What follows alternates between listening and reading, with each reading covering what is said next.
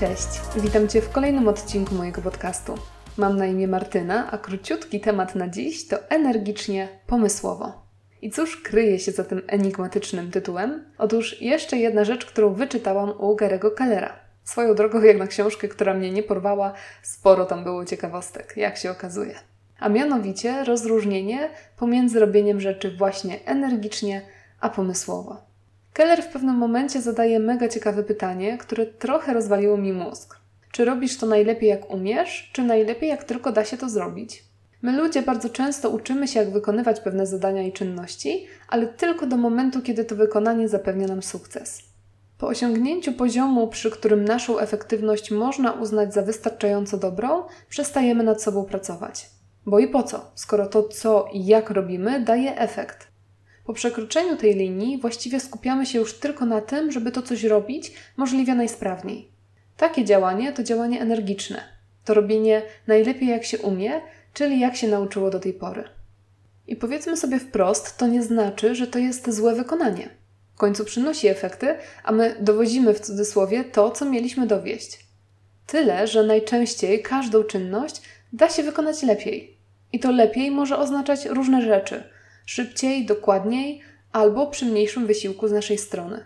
I takie działanie to działanie pomysłowe, czyli robienie najlepiej jak tylko się da. Gary Keller podaje kapitalny przykład. Poproś energicznego, żeby zdobył drwa na ognisko, a on zapewne złapie siekierę i pójdzie do lasu.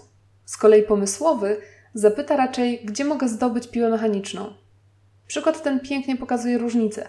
Podczas gdy energiczny od razu bierze się do działania, pomysłowy robi krok w tył i zanim się rzuci w wir pracy, zastanawia się, w jaki sposób można to zrobić najlepiej, najłatwiej, tak żeby były solidne efekty, ale wysiłek był jak najmniejszy.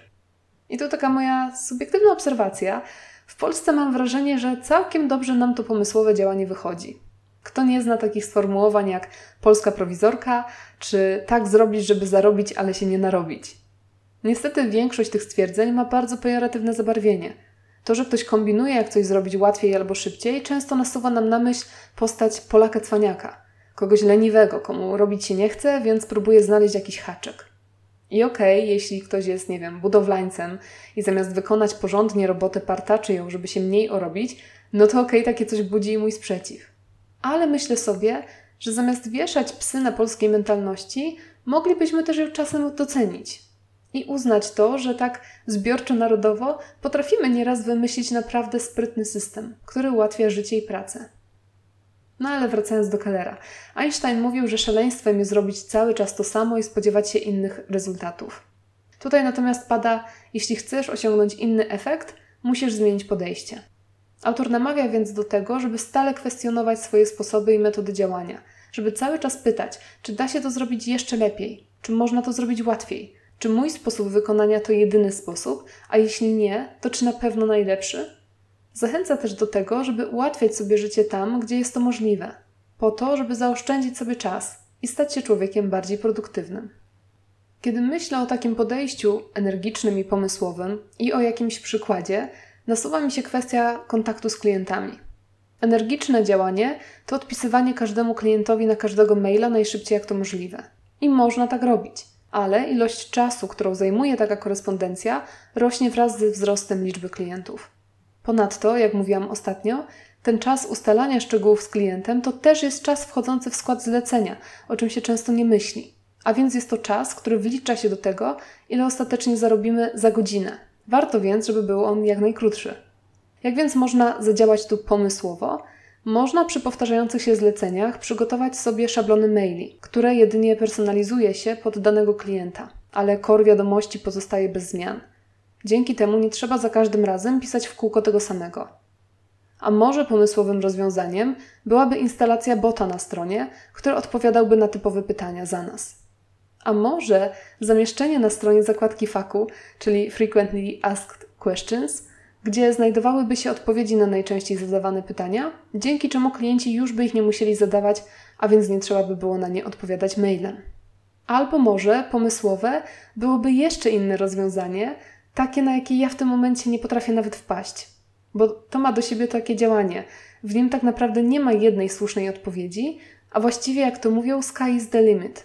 Najbardziej pomysłowe jest właśnie szukanie takich rozwiązań, na które nikt jeszcze nie wpadł. No i teraz, czy zawsze lepiej jest wybierać działanie pomysłowe, a nie energiczne? A jeśli tak, to czy to pomysłowe ma jakieś minusy? Cóż, w pierwszym odruchu miałam powiedzieć, że niekoniecznie, że energiczne działanie czasem jest faktycznie wystarczające, kiedy musimy wykonać jakąś prostą rzecz. Ale czy na pewno? Czy jeśli byłaby opcja zrobienia czegoś łatwiej, szybciej lub lepiej, to czy nie warto? Dlatego po dłuższym zastanowieniu stwierdzam, że tak, że pomysłowo jest lepiej niż energicznie. I to na pewno w większości, jak nie wszystkich przypadkach.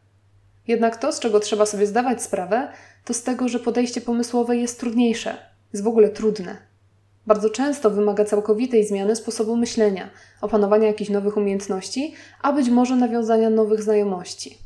Niemniej, ostatecznie przekłada się na nasz czas i na nasze zarobki oraz ogólnie pojęty lifestyle. Więc mimo wszystko chyba warto. Tak więc dzisiaj zachęcam Cię do jednego. Kiedy ktoś Ci powie przynieść drewno na ognisko lub cokolwiek innego, nie łap się za siekierę i nie leć na oślep, żeby wziąć się do tej pracy. Nie działaj bezmyślnie tylko dlatego, że tak się kiedyś nauczyłeś czy nauczyłaś i to wystarczy. Zatrzymaj się i zrób krok w tył i zastanów się, czy to, co robisz, robisz najlepiej jak umiesz, czy najlepiej jak tylko da się to zrobić. Spoiler alert, ta druga odpowiedź jest lepsza. Z tą myślą Cię zostawiam. Mam nadzieję, że ta króciutka przekminka, że tak to kolokwialnie nazwę, zainspirowała Cię choć trochę do tego, żeby przyjrzeć się swoim działaniom, zwłaszcza w pracy, ale nie tylko, i zastanowić się, czy przypadkiem nie osiadłeś, nie osiadłaś na laurach i czy nie robisz czegoś automatycznie. Czegoś, co dałoby się zrobić dużo produktywniej, gdyby tylko się nad tym zastanowić. Tyle na dziś. Dziękuję Ci serdecznie za wysłuchanie tego odcinka, a już w sobotę wyjątkowa okazja, a mianowicie sobotni odcinek będzie odcinkiem setnym tego podcastu. Tak więc ja już chłodzę szampana i szykuję jakiś fajny temat godny tej okazji, a Ciebie już teraz zapraszam i na sobotę, i na kolejne 100 odcinków. A co? Jak szaleć, to szaleć. Dobra, tyle gadania. Dziękuję Ci, że tu jesteś. Życzę Ci wspaniałego dnia. Do usłyszenia. Cześć.